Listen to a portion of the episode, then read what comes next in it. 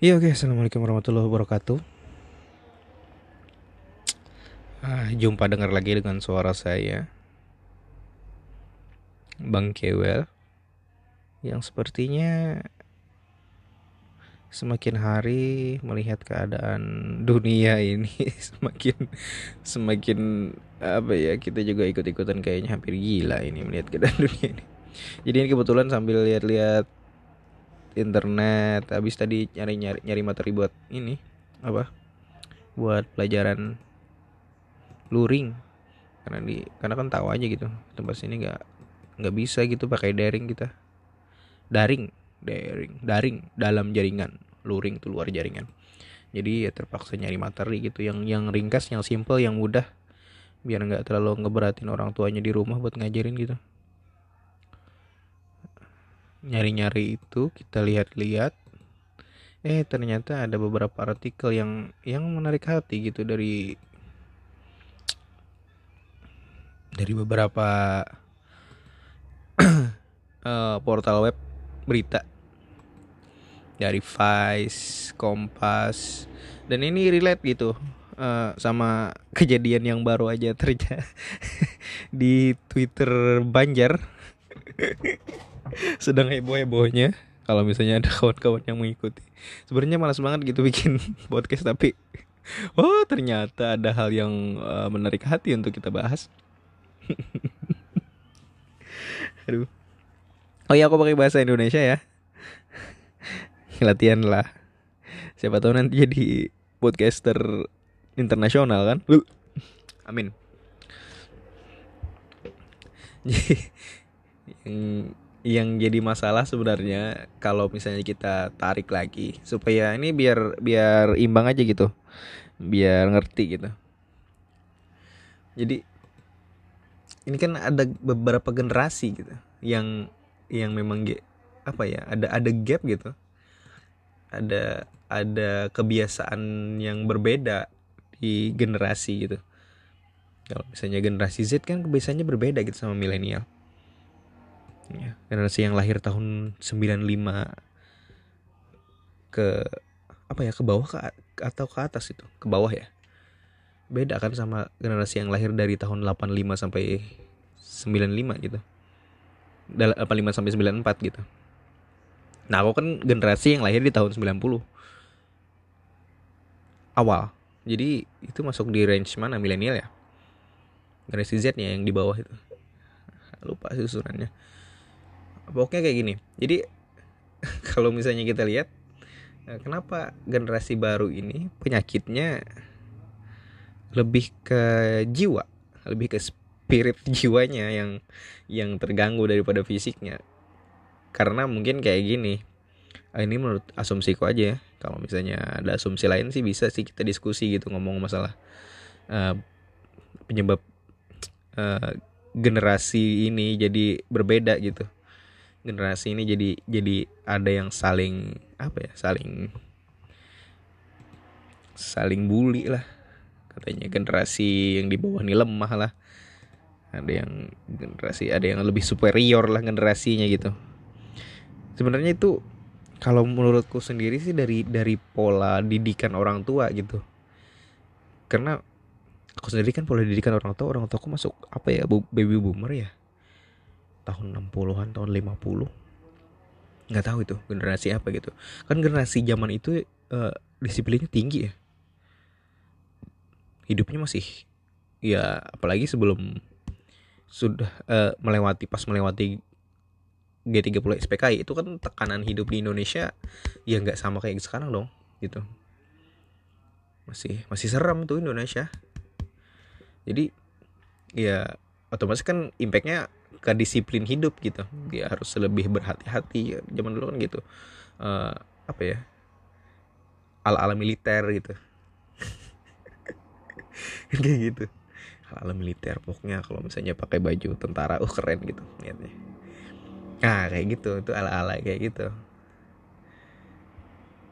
Zaman zaman itu nah itu didikan itu turun ke generasi yang lahirnya ya ya lahirnya tahun 80-an tahun 90-an awal gitu. Karena kan biasanya umurnya kayak gitu. Tambah lagi zaman dulu itu ya nikah mudanya banyak juga gitu. Jadi generasi yang di atas ya memang kayak gitu pola pola didikannya gitu. Jadi senakal nakalnya anak zaman dulu tuh pasti ada baliknya gitu. Ya kalau misalnya nggak balik ya bahayanya ya itu ya itu bahayanya kan banyak tuh ada yang meninggal bahayanya kayak gitu. Karena kalau misalnya lepas ya lepas aja. Zaman zaman itu tuh kayak gitu. Kan di rumah sama di sekolah itu rule-nya ngeri gitu. Kita kalau misalnya kalau misalnya salah di, di sekolah kita balik ke rumah ya kita disalahin juga tetap malah ditambah. Malah ada orang tua yang bilang ke gurunya kayak gini pak ini anak saya terserah saja bapak mau ngapain? Pokoknya ajarin anak saya supaya jadi baik. Kan kan bahaya itu anaknya. Kalau misalnya di sekolah di rotan pas balik ke rumah ngelihat pas mandi perih gitu belakangnya malah ditambahin. Berarti anak ini nakal gitu. Nah itu ketika umur 20-an anak-anak seperti itu ketika bebas dari sekolah formal yang yang ada kelasnya yang ada gurunya yang uh, apa ya yang terstruktur gitu sekolahnya lembaga yang terstruktur kayak gitu sudah di rumah juga diatur sama orang tuanya. Ketika lulus dari sana kuliah bebas istilahnya dalam tanda kutip ya menikmati hidup zaman itu. Karena awalnya kan sudah banyak hal-hal yang kayak gitu. Kita nggak bisa salah loh zaman dulu. Ya salah kita nggak bisa ngadu ke mana-mana jadi kalau misalnya pemberontakan ya lebih berbahaya juga pemberontakan anak itu zaman dulu sebenarnya. Tapi ketika dewasa dewasa istilahnya ketika sudah umur udah 35 40 itu mereka balik lagi ke keadaan disiplin tadi. Karena memang basis basisnya memang sudah diajarin seperti itu gitu. Basicnya sebebas-bebasnya orang tua me melepas anaknya di zaman itu anaknya pasti akan balik lagi ke orang tuanya gitu. Ke pola yang orang tuanya ajarkan gitu. Umumnya umumnya ya. Tapi kawan-kawan yang umurnya hampir sama kayak kayak aku kayaknya ngerti deh. Kayaknya ngerti. Iya memang kayak gitu. Nah permasalahan di generasi Z itu tidak seperti itu. Jadi sejak kecil mereka sudah dibebaskan untuk menjadi menjadi seperti apa mereka gitu. Umumnya. Ya sudah kalau kamu suka ini ya sudah. Karena zaman dulu bapak dikekang. Nah, kayak gitu kan. Jadi ya sudah. Dan ujung-ujungnya malah lebih banyak ke pembiaran gitu. Jadi dibiarin aja gitu anak masuk sekolah ya kasih uang aja nggak tahu di sekolah dia belajar apa? Enggak nggak tahu. Misalnya dia salah ya orang tuanya ngebela mati-matian gitu. Dan aku nggak salah. Di rumah baik aja. Ya di rumah kan dia baik-baik aja sama anda. Tapi di luar di luar kan dia sama guru gitu. Karena itu tadi polanya karena udah nggak sama gitu pola pola turunannya dari rumah sama di pendidikan gitu. Apalagi zaman sekarang gitu nah ini yang jadi masalah ketika ketika ekspresi kalau zaman dulu kan kita nggak bisa ekspresi di sosial media karena emang nggak ada sosial medianya. Orang-orang yang punya uh, apa ya uh, ponsel itu kan cuma orang-orang kaya. Kalau zamanku awal dulu itu BlackBerry itu yang yang paling keren tuh punya BlackBerry itu keren banget gitu punya BlackBerry keren banget tuh zaman itu. Aku punya Symbian. Pertama-tama keluar Android itu kan sekitar tahun berapa ya? 2004 2004 atau 2005 gitu. Mudahnya informasi diakses tuh. Samsung pertama dulu yang yang merilis smartphone Androidnya. Jadi Iya itu tadi ketika generasi baru ini dengan dalam tanda kutip kemudahan fasilitas, kemudahan dia uh, menikmati apa ya, menikmati uh, kenyamanan, kenyamanan hidup. Itu yang yang akhirnya membuat anak-anak generasi baru ini itu seakan-akan lemah gitu dalam tanda kutip lemah. Jadi banyak yang lebih ambiar banyak yang mudah gitu ekspresinya di TikTok di Instagram di Facebook. Uh, bedanya ya memang kalau zaman dulu sih nggak ada gitu yang kayak gitu. Dan kita mengekspresikannya di mana? Sama teman-teman. Jadi jangan bingung ketika melihat uh, generasi sebelumnya 10 tahun sebelum uh, generasi Z yang akhirnya tahun 90, 91, 89, 88 itu ngobrol itu bisa lupa waktu itu. Karena zaman dulu memang kayak gitu kami karena kami ngobrolnya ya memang ngobrol gitu. Kami diajarin ngobrol gitu aja untuk ekspresi sakit hati ekspresi gundah gulana.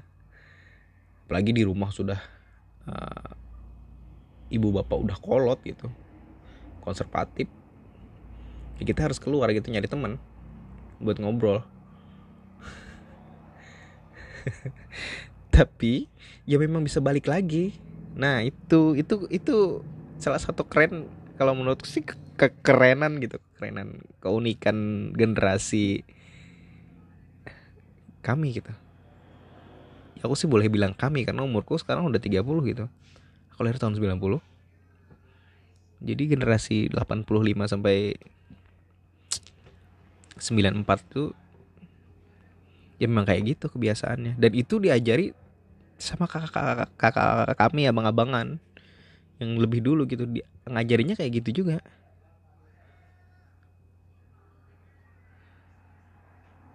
Dan zaman dulu tuh nggak nggak kayak zaman sekarang gitu. Kita zaman sekarang setiap orang bahkan anak-anak pun balita malah bisa akses berbagai macam hal gitu. Kalau zaman dulu kita nggak bisa, bro. Kita ngintip kakak kita aja ngobrol sama teman-temannya kita dimarah loh.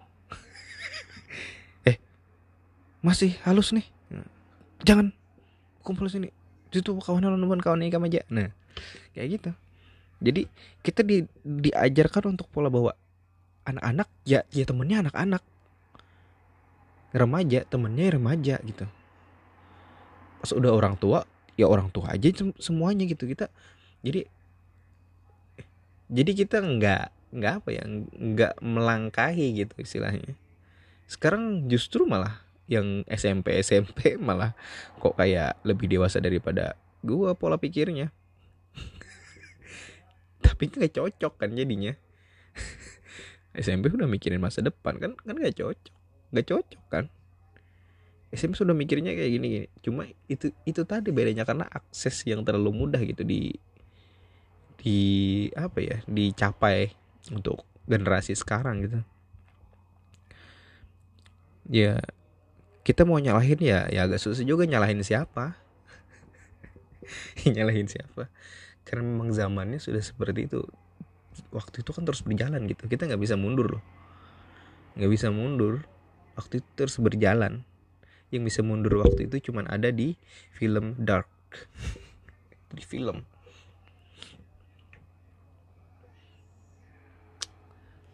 Nah itu yang jadi problem di di Kompas ada ada masalah bahwa kesehatan generasi Z itu ya yang jadi masalah itu mentalnya. Ya itu tadi karena karena terlalu mudah berekspresi karena terlalu nyaman hidupnya sehingga ketika ada struggle sedikit dia goyah gitu. Mentalnya bukan mental baja bukan mental pelari pe, eh pelari bukan mental pengejar layang-layang gitu. Bukan.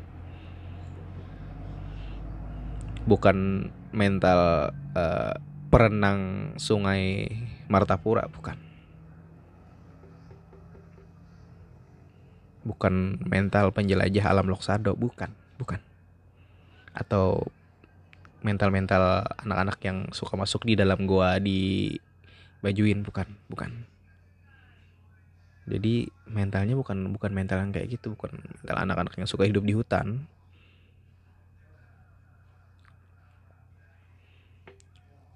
Dan itu jadi masalah ketika uh, ekspresi anak muda ini di sosial media itu di diakses juga oleh orang-orang lain gitu. Apalagi diakses untuk generasi sebelumnya makanya banyak yang di banyak yang bully. Apaan sih? Misal aku lagi patah hati nih ini ini ini kayak gini gini gini.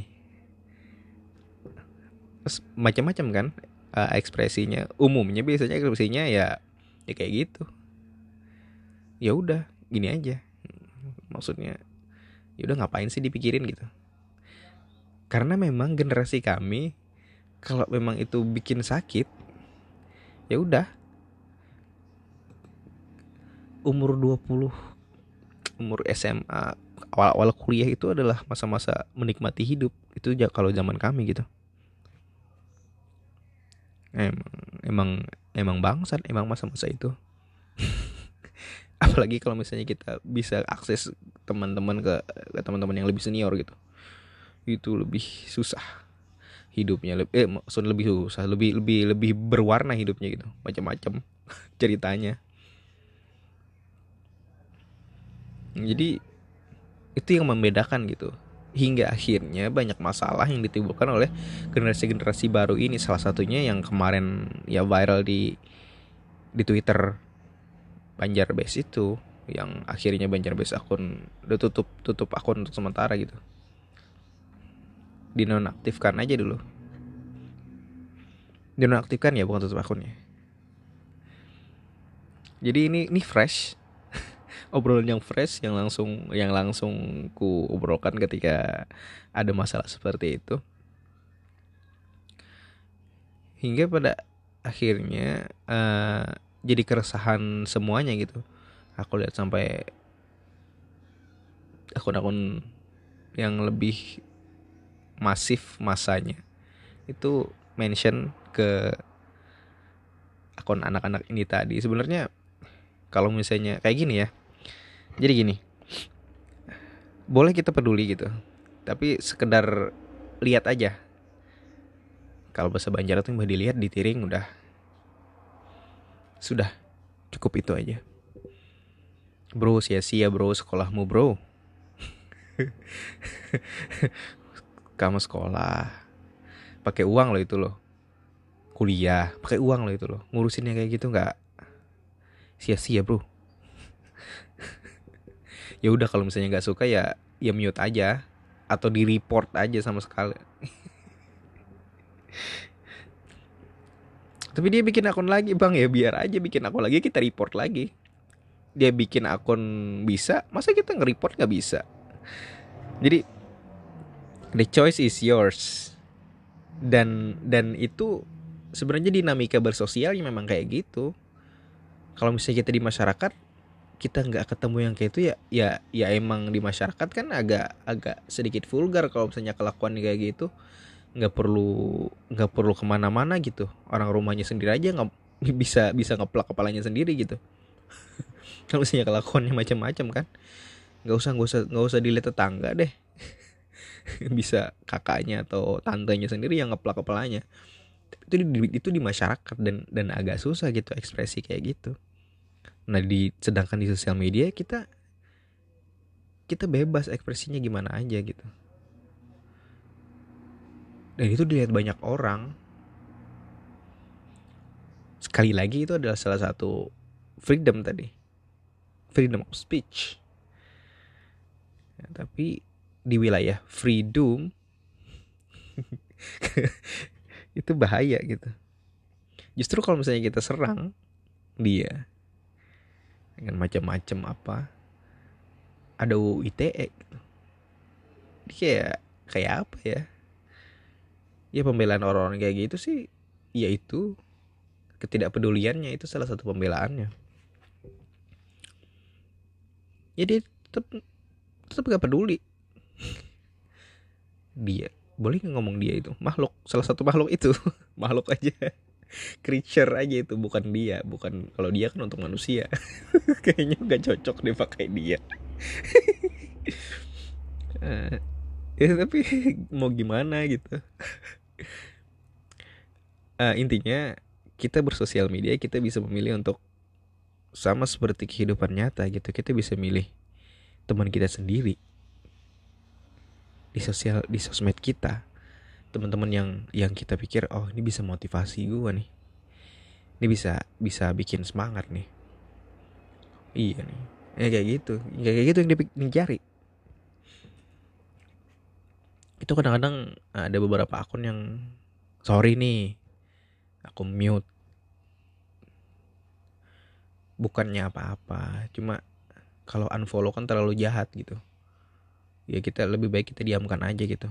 Kalau kita kita tinggalkan kan itu jahat sama namanya. Ya, kalau misalnya kita diamkan siapa tahu dia bisa balik lagi. Dia kan belum belum hidupnya bukan belum panjang gitu. Jadi nanti bisa aja dia balik lagi. Maksudnya balik ke normal gitu. Nggak galau-galau di timeline. Jadi sorry sorry kalau misalnya ada yang saya mood. Soalnya uh, dulu bikin Twitter itu ya saya tuh bikin Twitter pengen baca berita aja. Pengen baca aja. Karena kan asik tuh baca tweet pengen baca aja. Itu karena dulu pengen bikin kaskus tapi takut. Karena tak kaskus kan tampilannya kayak kayak gitulah. Kayak forum forum forum tampilan forumnya kan kayak gitu kan. Jadi kayaknya kalau misalnya lewat HP aneh deh. Kan dulu nggak punya nggak punya HP punyanya cuma handphone kan. Kan agak susah bikin lalu masuk apa ya zaman dulu itu kan nggak terlalu mengerti kayak zaman sekarang gitu. Ada kemudahan-kemudahan aplikasi atau apa gitu jadi muncullah Twitter. Ya kita lihat Twitter ini mewakili apa yang kita pengen kan itu pun sudah tahun 2012 baru bikin Twitter. Awalnya dulu baca-baca kasus doang. Jadi ya kita orang lama juga gitu di dunia baca membaca blog WordPress zaman dulu ketika ada microblogging yang namanya Twitter lalu asik lah kita main di Twitter. Untuk baca berita aja dulu. Dan kalian nggak peduli sebenarnya sama Twitter. Sama eh gini kalian nggak peduli sebenarnya sama sama akun-akun akun-akun yang memang harus kita hebohkan di Twitter gitu. Salah satunya adalah Banjarmasin Post kalian nggak pernah baca ya Banjarmasin Post di Twitter? Kasihan loh mereka posting nggak ada like nggak ada retweet nggak ada mention nggak ada reply gitu. Sian. Sian loh. Jadi kalau misalnya orang Banjar ya carilah akun Banjarmasin Post like lah kalau misalnya nggak baca gitu. Kasihan itu koran dari zaman bala lo punya punya Banjarmasin ya kan nggak nggak nggak tahu kayaknya anak-anak anak Banjar ini kayaknya nggak tahu ada akun Twitter Banjarmasin Post. Jadi portal-portal itu yang yang yang dulunya bikin saya pengen main Twitter gitu. Oh ini mudah nih uh, informasinya cepat nih daripada yang lain gitu. Kita lihat kita lihat ya memang cepat. Kemudian semakin banyak lah teman-teman kita bersyukur juga punya banyak teman alhamdulillah meskipun ini tadi banyak yang ambiar ya karena memang generasinya beda kan. Tapi ya itu, salah satu penjelasannya gitu. Jadi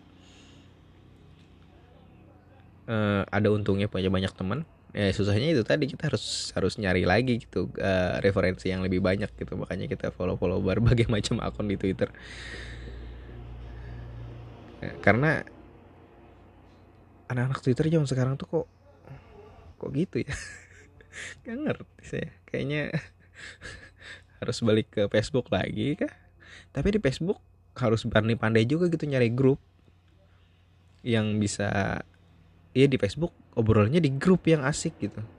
Harus pandai nyari grup juga. Soalnya di timeline apalagi timelineku kan teman-teman Facebook di timelineku nih orang-orang kampung semua.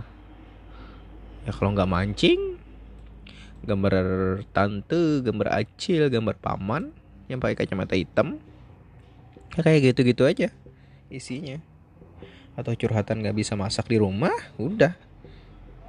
Kecuali kita yang nyari nyari grup gitu. Grup-grup yang bikin apa ya uh, referensi kita lebih banyak gitu. Masalah pengetahuan itu di Facebook kayak gitu sekarang mainnya.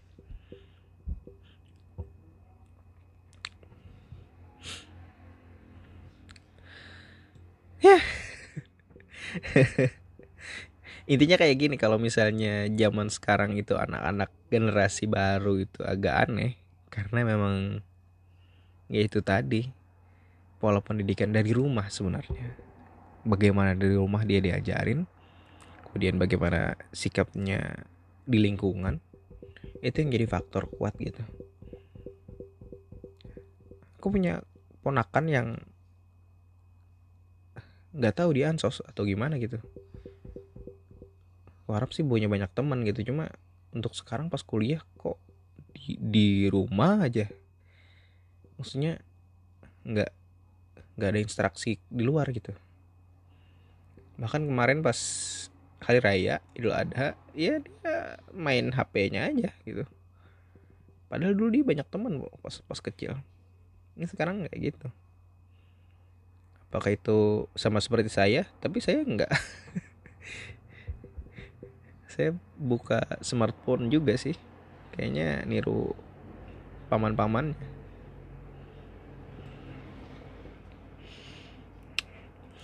Ya memang tekanan kehidupan pun zaman sekarang ya beda zaman dulu. Zaman dulu kita tekanannya di rumah sama di sekolah aja.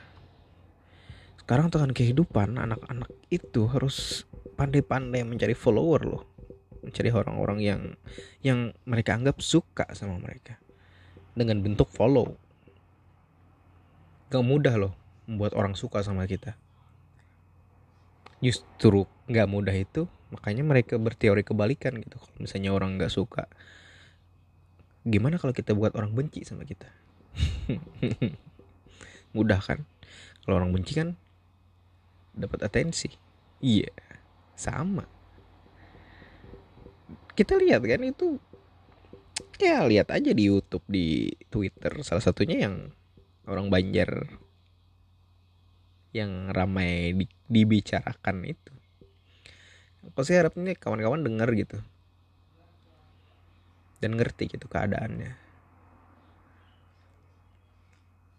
Ya kalau misalnya mau minta saran gimana caranya menghadapi anak-anak kayak gitu, ya serang aja kelemahannya. Dicari info. Penjahat banget kayaknya.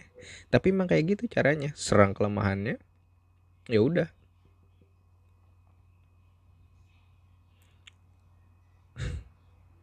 Itu itu itu solusinya.